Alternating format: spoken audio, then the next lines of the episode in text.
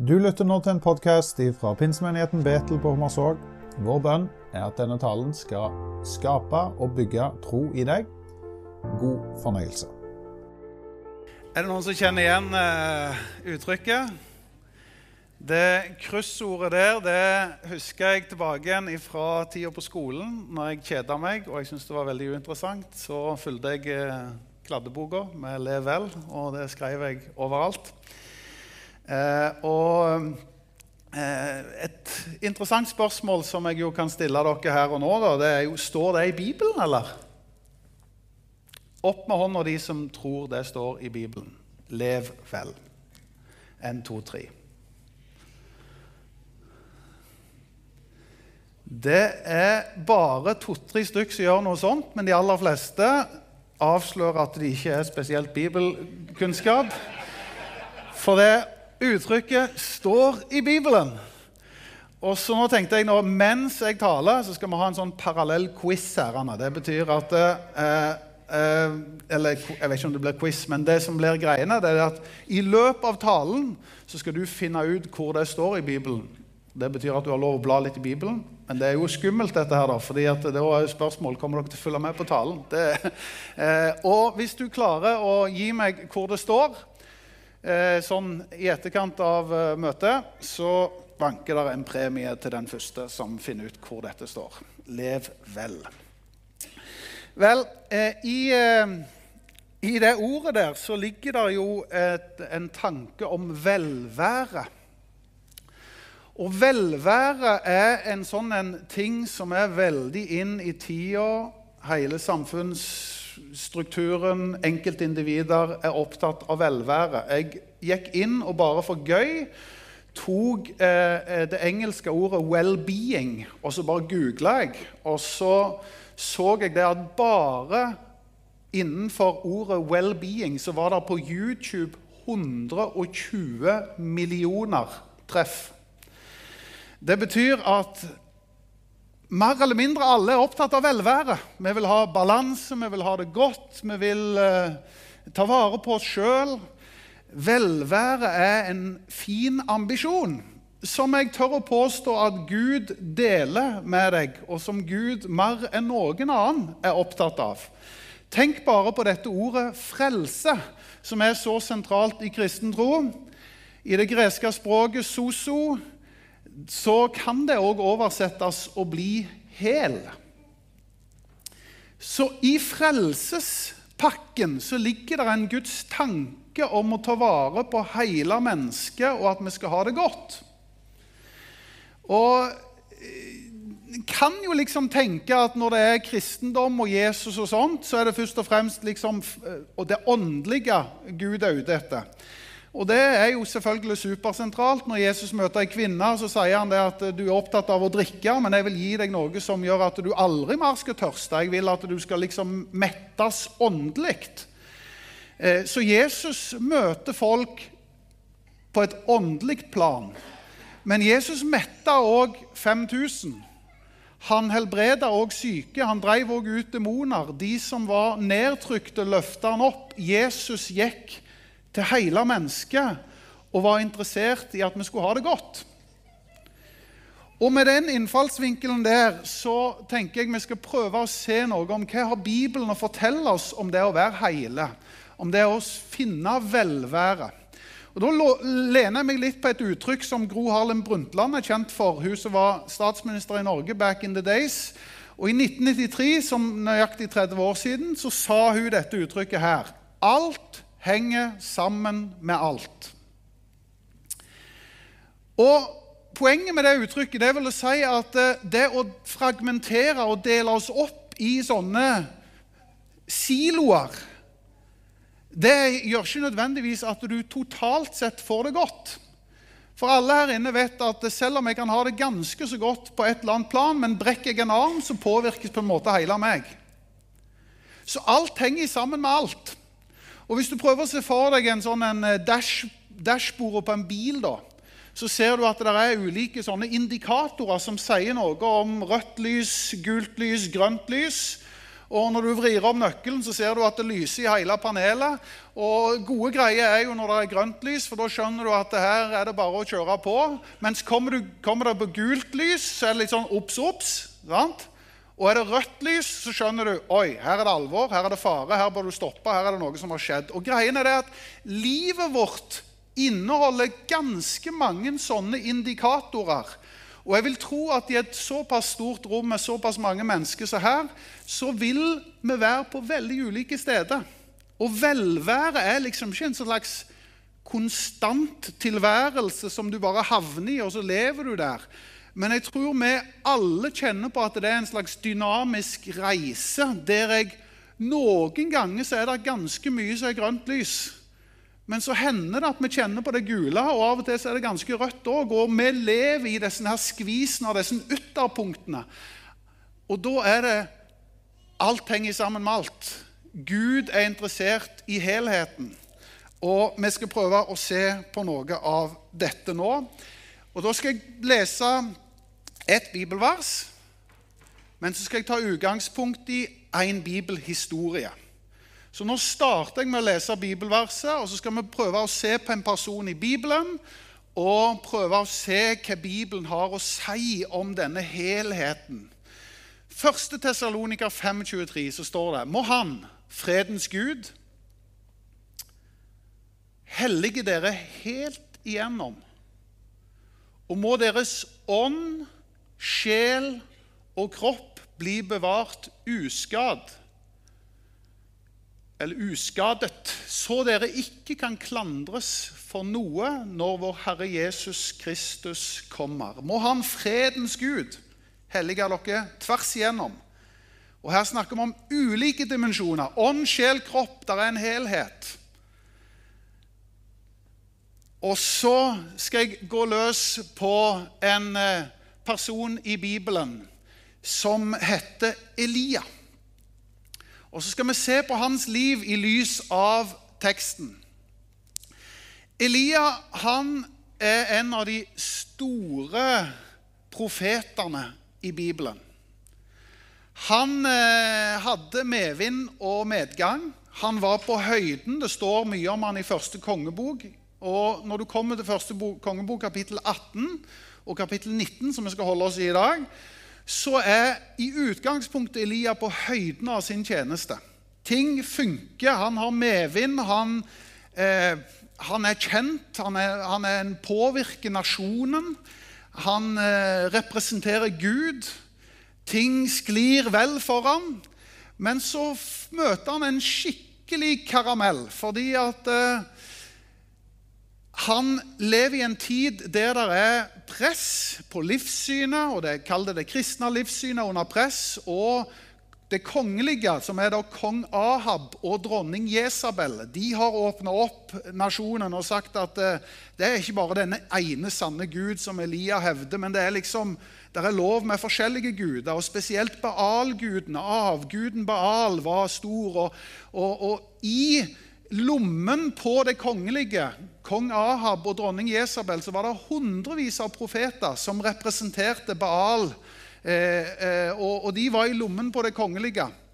Og Elia han var modig nok til å utfordre dem og si eh, den ene sanne Gud jeg tror på, han, eh, han, er egentlig noe å satse på. Alt det her andre er fake news. Det det er feil greier. Så på Karmel fjell så utfordrer han, og det er 450 profeter som prøver seg. Men det skjer mer eller mindre ingenting. Mens når Elia, som henvender seg til Gud, så svarer Gud med mirakler og under og tegn, og, og han setter ting på plass. Så Elia vinner en stor seier på Guds vegne. Men det er klart, de kongelige de går ikke stille i dørene. De vil presse gjennom den troen de står for. Så de begynner å legge press på Elia. Og det ender opp med at en trussel fører til at godeste Elia begynner å løpe ut i ørkenen. Altså Han flykter fra alt og alle og opplever egentlig å gå fra et høydepunkt til et lavpunkt på ganske kort tid. Og Da løser vi første kongebok kapittel 19 vers 4. Selv gikk han en dagsreise ut i ørkenen og kom til en gyvelbusk, satte seg under den og ba om å få dø. Nå er det nok, Herre, sa han. Ta mitt liv. Ser vi at her går det fra ganske grønt lys til ganske rødt lys. Ifra det at eh, nå er det slutt, nå vil jeg ikke mer, ta mitt eget liv, for selvmordstanker Da skjønner en at det, det har vært en ganske dramatisk reise i Elias sitt liv. Og Så står det om Elia at han var en mann under samme kår som oss. Det står i Jakobs brev i Nytestamentet. så står det at Elia han var akkurat som oss. Altså, Selv om han gjorde fantastiske greier for Gud, så hevder altså Jakob at ikke tenk at Elia var veldig annerledes enn dere. Han er sånn som meg og deg, under samme kår som oss. Så han opplevde svingninger akkurat som meg og deg opplever svingninger og utfordringer på ulike sider i livet. Og Da er det jo nærliggende, fordi at der, hvis du leser nøye om Elia, så kan en si at han var fysisk utslitt. Han var mentalt og emosjonelt i ubalanse. Han var åndelig tom, han var isolert, og han var til og med på bar bakke materielt. Det står at det var ravnene som kom og fòrte han med mat. Så han hadde ingenting. Så ifra å være ovenpå til å være helt på et lavpunkt, så skjønner vi at Elia er i en krevende situasjon. Og hvis du er i altså Et lettvint kristent svar kan jo fort bli sånn Ja, alt du trenger, er Jesus. Og folkens, nå hører du det fra pastoren sjøl. Jesus er ikke alt du trenger. Du trenger òg andre ting enn det. Dypest sett så kan du kanskje teologisk si at du, ja, du trenger Jesus, for han er kilden til alt. Ja. Men mennesket er satt sammen sånn at vi trenger ganske mange ting for at vi skal fungere. Og nå skal vi se hvordan det som lett kunne bli et slags åndelig svar på Elias' sin situasjon, ble helt andre svar fra Gud til Elia. Så da går vi løs på å se og Jeg kan ta med det bare som en parentes. fordi at I den greske tankegangen så var ofte det åndelige heva til å være liksom det overordna. Det betyr at noe du kan lese om en god, god del i Nytestamentet, som heter gnostikere, som, som bl.a. Paulus hadde en kamp mot, de ville hevde at du skulle liksom undertrykke det fysiske og det kroppslige det var et onde. Det var noe som du egentlig ikke trengte. Altså det, det, skulle bekjempes. Det var på en måte åndelige svar på kroppslige greier. Det var det åndelige som skulle vinne fram, mens det hebraiske og mer bibelske tilnærming til mennesket det er at vi er en helhet. Med en sammensatt størrelse. Alt henger sammen med alt. Det er et dashbord med forskjellige indikatorer, forskjellige lys. Og vi trenger å jobbe med at det skal bli velvære på alle livets områder. Så nå går vi til det fysiske og ser litt på fysisk velvære. Fordi at Elia han hadde blitt trua, han hadde rømt, han hadde kommet ut i ødemarken. Han var fysisk utslitt. I den teksten vi leste, så står det at han hadde gått en dagsreise. Hvis du ser summen av det Elia gikk, så gikk han nærmere 20 mil i ørkenen. Og Da snakker vi altså fire maratoner i ørkenen fire til fem maraton i ørkenen. Da skjønner du at det er litt krevende. Så det er ikke rart at Elia er fysisk utslitt. Og Da går det an å tenke at ja, hva er svaret når du har det sånn som du har det? Nå skal vi lese hva Gud kom og sa til Elia.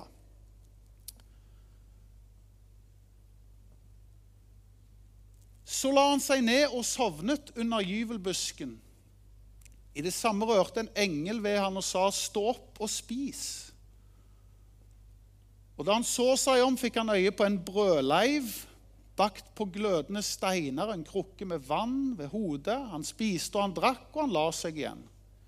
Men Herrens engel kom til han en gang til, rørte ved han og sa, 'Stå opp og spis, ellers blir veien for lang for deg.'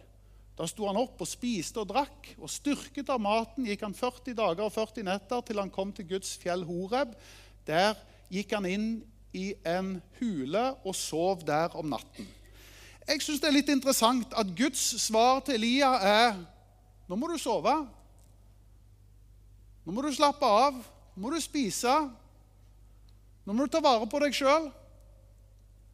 Altså, Det var ikke spesielt åndelige svar som kom til Elia, men det var den reisen du legger ut på, Elia, det livet du har foran deg, det krever at du tar vare på det fysiske. Sørg for god søvn, sørg for hvile, sørg for å drikke og spise. Sørg for å være i mosjon, sørg for å være i form. fordi at den, Skal du holde ut den reisen du er på, så må du ha det fysisk greit. Og Nå har ikke jeg tenkt å bli en ekspert på noen sånn fysiske greier. herrene. Verken jeg personlig trener. Jeg kunne kanskje hatt et lite sånn kostholdsseminar med dere. Men eh, sånn utenom det så tenker jeg at eh, det er kanskje ikke helt min greie. Eh, det finnes nok av forskning som sier noe om hva vi trenger av mosjon, av kosthold, av jeg tror Noe av poenget her det er at en fremhever at Gud er opptatt av at vi fysisk skal ha det greit. Og jeg tror at alt henger sammen med alt. Fordi at vi vet at hvis vi ikke har det fysisk greit, så påvirker det òg det mentale, og motsatt. Så nå har vi så vidt toucha det fysiske. Jeg har lyst til å si noe i forlengelsen òg om mentalt psykisk velvære. Eh, det er gjerne det vi kaller for sjelen i det kristne. Det handler om tanker og følelser, det som rører seg på innsida. Hvis du oversetter ordet sjel til musikk, så blir det jo soul. Soul-musikk. Ja, hva er det for noe? Det er noe som rører ved de indre strengene i oss. Altså, det fins et liv ikke bare i det fysiske og det ytre, men det fins et liv på innsida. Det er et indre liv. Det er tanker og følelser. Og Alle kjenner jo til det og anerkjenner det. Og Ofte når vi tenker på en sjelelig kristen, så tenker vi jo på sjel som noe veldig negativt. For Hvis du er sjelelig kristen, det står det jo også om I, i Nye Testamentet så står det om at fra sjelen vår, altså fra vårt indre, kommer det en masse elendighet. Sånn at det er en del av det indre livet. Men sjelen har òg noen fine, gode strenger. sant? Det er gode tanker. Det går an å sortere tanker. Det går an å ha, det, ha det, et psykisk velvære, ha det mentalt godt. Så Hvis vi åpner det rommet litt og snakker litt om psykisk velvære, så er det jo sånn at på samme måte som de fysiske tingene, av trening, søvn, kosthold, hjelpe oss å ha det godt fysisk. Og hvis det ikke funker, så går vi gjerne til en fysioterapeut fysisk. Eller til en lege. Mens på samme måten så er det jo med det psykiske og mentale som handler om å sortere tanker. Evne å håndtere utfordrende situasjoner som rører seg på innsida av oss. Og når vi ikke klarer det, så vil, vil vi dypest sett gå til en samtalepartner eller til en psykolog fordi at vi anerkjenner at livet er ikke bare det fysiske, men det er òg det psykiske. Og at de gangene at, at Veldig mange ganger så kan nesten de to tingene ha de samme symptomene. Altså, Jeg kan iallfall huske tilbake når jeg gruer meg til ting, så kan jeg få vondt i magen. Det er jo litt rart at det som egentlig ligger på et psykisk, mentalt indre nivå, slår ut i fysiske. Folk har hatt vondt i magen, har de ikke det? Når du skulle ha en fremføring på skolen, f.eks. Du husker jo det. Eller det kan gå til hodepine eller til stive skuldre. Altså Symptomene kan være de samme både i det fysiske og i det psykiske, men årsaken og løsningen kan være veldig forskjellige. Noen ganger så er det fysiske årsaker som gir seg fysiske utslag. Andre ganger er det psykiske årsaker som gir seg fysiske utslag. Og Dette understreker jo viktigheten av at vi holder fram helheten og ser at vi er, vi er en sammensatt størrelse. Det som kan være av psykisk tomhet, av glede som blir borte, eller verdien som en stiller spørsmålstegn med, eller en føler seg utilstrekkelig, eller en kjenner på skam. Det er sånne ting som psykisk slår inn i oss. Og Nå har ikke jeg et mål om å prøve å være en psykolog her, for det er jeg ikke. Jeg er knappast talt en teolog, men i den grad jeg har studert noe, så må det iallfall være Bibelen. Og da sier Bibelen noe om at eh, Gud er interessert i helheten. Og når Elia kom på dette, denne plassen i livet sitt, så står det om at da kom Herrens ord til han, og det lød så. Hvorfor er du her, Elia? Legg merke til at Gud stiller spørsmål. Tror du Gud ikke visste hva Elia gjorde eller tenkte på? Det er ikke sånn at Gud ikke visste, men jeg tror Gud legger opp til Sett ord på det, Elia. Du har lov til å dele det. Si det ut. Jeg er, jeg, jeg er, villig til å lytte til deg. Og så svarte han, jeg har vist brennende iver for Herren, herskarenes Gud. For israelittene har, har forlatt din pakt. Dine altere har de revet ned, og dine profeter har de drept med sverd. Jeg er den eneste som står igjen. Og nå står de etter meg, meg etter livet. Altså, han mister perspektiv og horisont og begynner å tenke at det er ute med meg, det er ingen framtid, det er ingen som bryr seg. Altså, det mentale kan spille et puss i oss som gjør at vi kanskje ikke alltid ser virkeligheten sånn som den er. Det er jo noe av det som rører seg når vi blir mentalt påvirka. Det er at vi mister perspektiv. Men Gud gir oss muligheten. Og du Leser du videre, så kan du se at det kom en engel på nytt til han og sa, 'Stå opp, Elia. Løft blikket. Ikke dull deg inn i det som har liksom dratt deg ned.' som en greie som har liksom Men, men engelen og Gud kommer og prøver å gi Elia rom for å snakke om det, til å få fornya perspektivene sine. Hvorfor sier jeg dette? Jo, fordi at i forhold til psykisk, mentalt velvære, så er vi der at vi trenger alle mann å både anerkjenne og jobbe med disse tingene. Halvparten av Norges befolkning Dette er, dette er fakta fra Folkehelseinstituttet. Halvparten av Norges befolkning opplever igjen i løpet av livet psykiske plager eller lidelser. Vil si halvparten av oss i rommet her opplever psykiske plager eller psykiske lidelser i løpet av livet. Folkehelseinstituttet sier at største, og de største blant de, det er angst og depresjon er de som troner høyest som de som er, eh, folk sliter med. Angst og depresjon. Folkehelseinstituttet sier at den største helseplagen for unge mennesker er mentale psykiske lidelser mellom 7 og 8% av alle som er mellom 3 og 18 år i Norge i dag, trenger behandling for sin psykiske tilstand. Det er snakk om 70 000 mennesker. Og snittida for å få hjelp hos en psykolog er seks måneder. Altså du står i kø seks måneder før du får tilbud om behandling. Vi skjønner at det er ikke bare fysisk uhelse, men det er òg psykisk uhelse som påvirker oss som mennesker. Og så skal ikke jeg prøve å gi lettvinte svar på det, men jeg prøver å si noe om at eh, Gud er interessert i hele mennesket. Han vil at vi skal ha det godt. Og jeg tror på det å ha en samtalepartner, ha noen å dele med. Sist uke så var det Eh, om det var verdensdag, jeg verdensdagen for psykisk helse. Den var i siste uke. Og Vi har sikkert hørt om fjellvettsreglene som kan ta oss på tur rent fysisk. Men skal du på psykisk velvære, så er de ti reglene sånn som dette. Bær ikke på tunge tanker alene.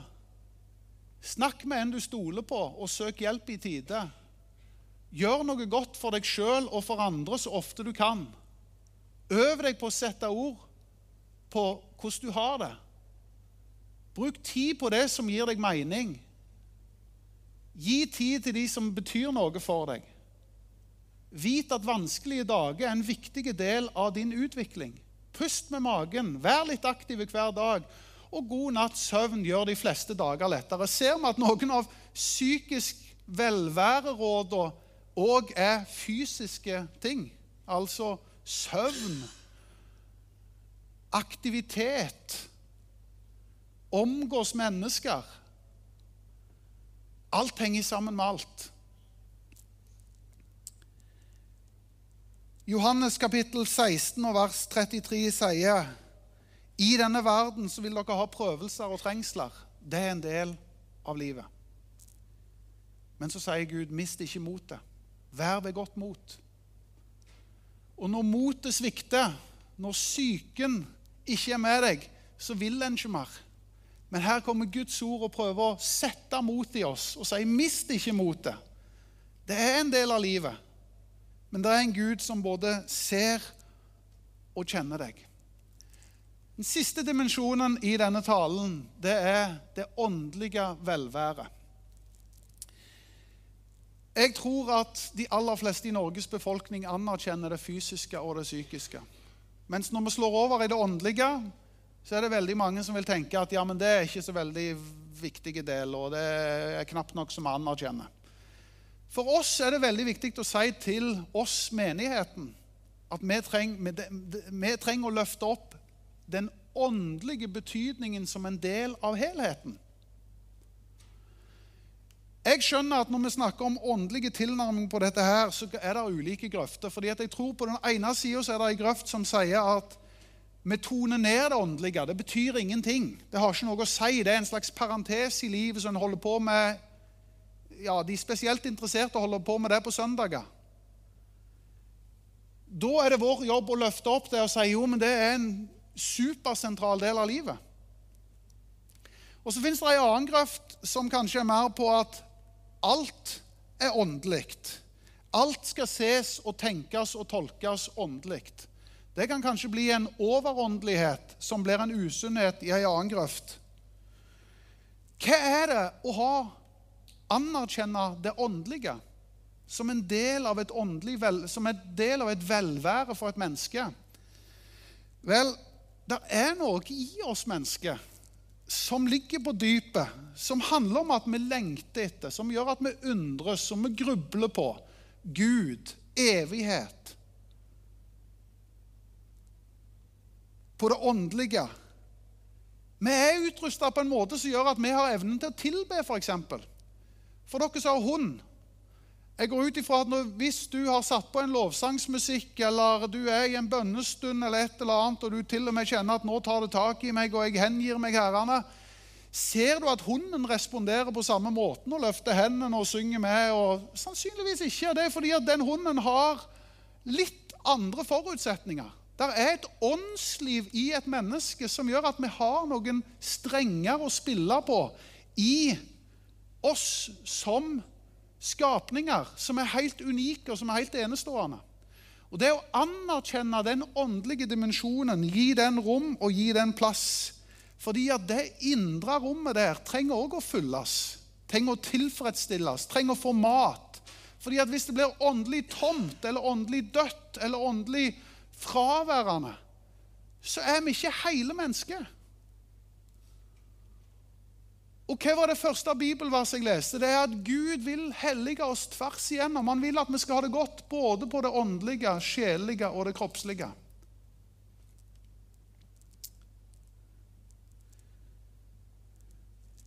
Kirkefader Augustin sa det på denne måten.: Min sjel er urolig inntil den finner hvile hos deg, min Gud. Her kobler han det sjelelige med det åndelige og sier vi vil egentlig aldri være helt på plass, og sjelelig, hvis vi ikke har det åndelig godt. Alt henger sammen med alt. Indikatorene kan blinke på ett nivå, og så kan de blinke noe annet på et annet nivå. Det påvirker helheten. Elia han eh, opplevde å få søvn, bli styrka, få mat, få drikke. Han gikk på i nye 40 dager, og det står at han kom fram til Guds fjell, til Horeb. Og eh, der møtte han den levende Gud. Han møtte Gud Javé, og han erkjente og sa at Gud er en nærværende Gud. Og I det så ble han åndelig forfriska, han ble åndelig fornya, han fikk nye perspektiv. Og Vi kan ta oss og lese det som skjer fra vers 11 og 12. Da sa Herren, gå ut og still deg opp på fjellet for Herrens ansikt, så vil Herren gå forbi. Foran Herren kom en stor og sterk storm som kløvde fjell og knuste klipper, men Herren var ikke i stormen. Etter stormen kom et jordskjelv, men Herren var ikke i jordskjelvet. Etter jordskjelvet en ild, men Herren var ikke i ilden. Etter ilden kom lyden av skjør stillhet. Og Leser vi videre, så kan vi se at Elia opplevde Gud i stillheten. Og dette ordet som går igjen 250 ganger i Gammeltestamentet og 90 ganger i Nytestamentet, det er dette ordet shalom. Fred. Og Hvis det var noe som møtte Elias, så var det Gud med sin fred. Fordi at når det er kaotisk, når det er voldsomt, når det er omveltninger, når det er rase og trøbler, så er kanskje det vi søker eller trenger mer enn noe annet, det er fred. Og hvem er Gud? Gud er en Gud av fred. Og Når du ser på dette ordet shalom, så er det faktisk et velværeord i Bibelen. Det er ikke bare fravær av krig og konflikt, men det er en slags opplevelse av at det er helse, helhet, godhet, velsignelse, nærvær av Gud. Så hvordan var det Elia kom, nei, Gud kom til Elia? Han kom med fred. Og Guds fred som overgår all forstand, skal bevare deres hjerter og tanker i Kristus Jesus. Forstanden vår, sjelen, tankene, det som blir kaotisk, det som rotes til. Hva er det som skal bevare oss? Jo, Guds fred skal vi overgå all forstand, skal bevare deres hjerte og tanker i Kristus Jesus. Det å anerkjenne den åndelige dimensjonen, og at Gud som en Gud av fred kommer og møter oss, som gjør oss til mer hele mennesker. Gud er ikke i det oppjaga, i uroen, i kaoset. Gud er i freden. Og Les en videre i vers 15 her, så står det Da sa Herren til han, gå tilbake den veien du kom, og ta så veien gjennom ørkenen til Damaskus. Når du kommer dit, så skal du salve Hasael til konge over arameerne. Hva er dette? Det er Elia som har vært så båndkjørt og så i kjelleren og så mørkt at ta mitt liv. Nå vil jeg ikke mer. Han får et fornya møte med Gud som gjør at han får nytt perspektiv en ny fred, et nytt driv.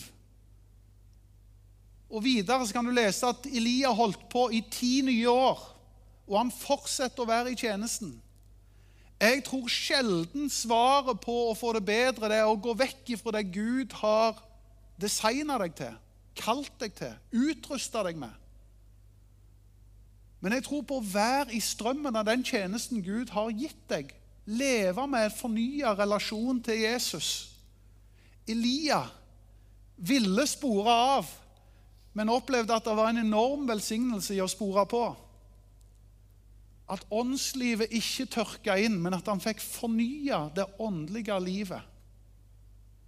Og Så vet vi at eh, dette som var realiteten for Elia, nemlig at han måtte gå 40 dager for å komme til Horeb, som da er Guds fjell, der han møtte Gud, så er vi i det som heter den nye pakt. Det betyr at vi trenger ikke gå 40 dager for å finne Gud. Gud er en nærværende Gud. Du trenger ikke springe milevis i ørkenen for å finne ham. Han er nærværende, han er tilgjengelig. Og Det går an å søke han og få et fornya relasjon med han Stadig vekk. Selv om vårt ytre forgår, står det. Er det noen som har opplevd det? Ingen?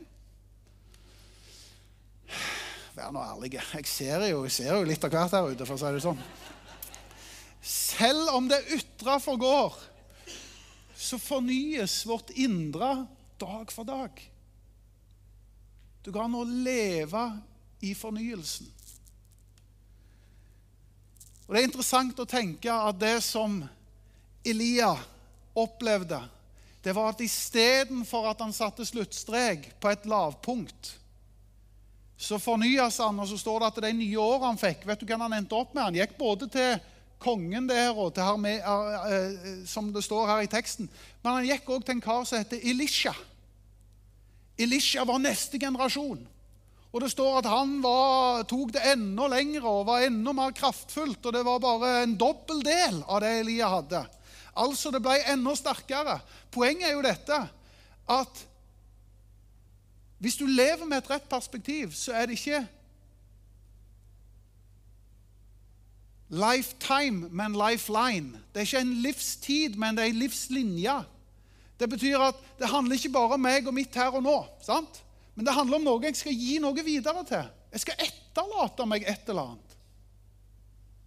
Så min velvære, det at Gud sier at vi skal ha det godt, det handler om at han har en tanke om at vi skal få lov å ha det godt. Men når vi har det godt og lever med perspektiv, så har vi òg en tanke for det som kommer etter oss.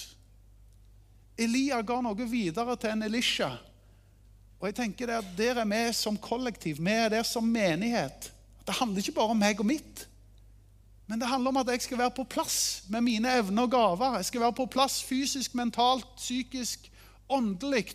For jeg skal bety noe for det som Kjersti synger om, velsignelse som skal gå fra generasjon til generasjon. Det handler om mine biologiske, men det handler òg om mine åndelige barn, min familie de generasjonene som kommer etterpå, som skal bære denne menigheten.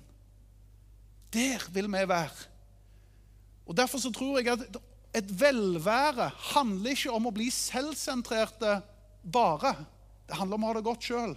Men det handler om å ha det godt, så jeg òg kan få lov å være med og bety noe for andre. Der var Elia med sitt liv. Og der skal jeg be om at vi òg kan få lov å være.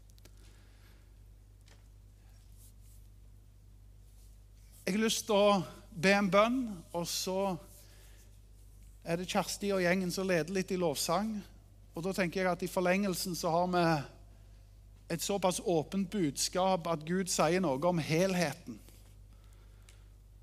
Og jeg har sagt at det, det kan godt være en skal gå til lege og psykolog.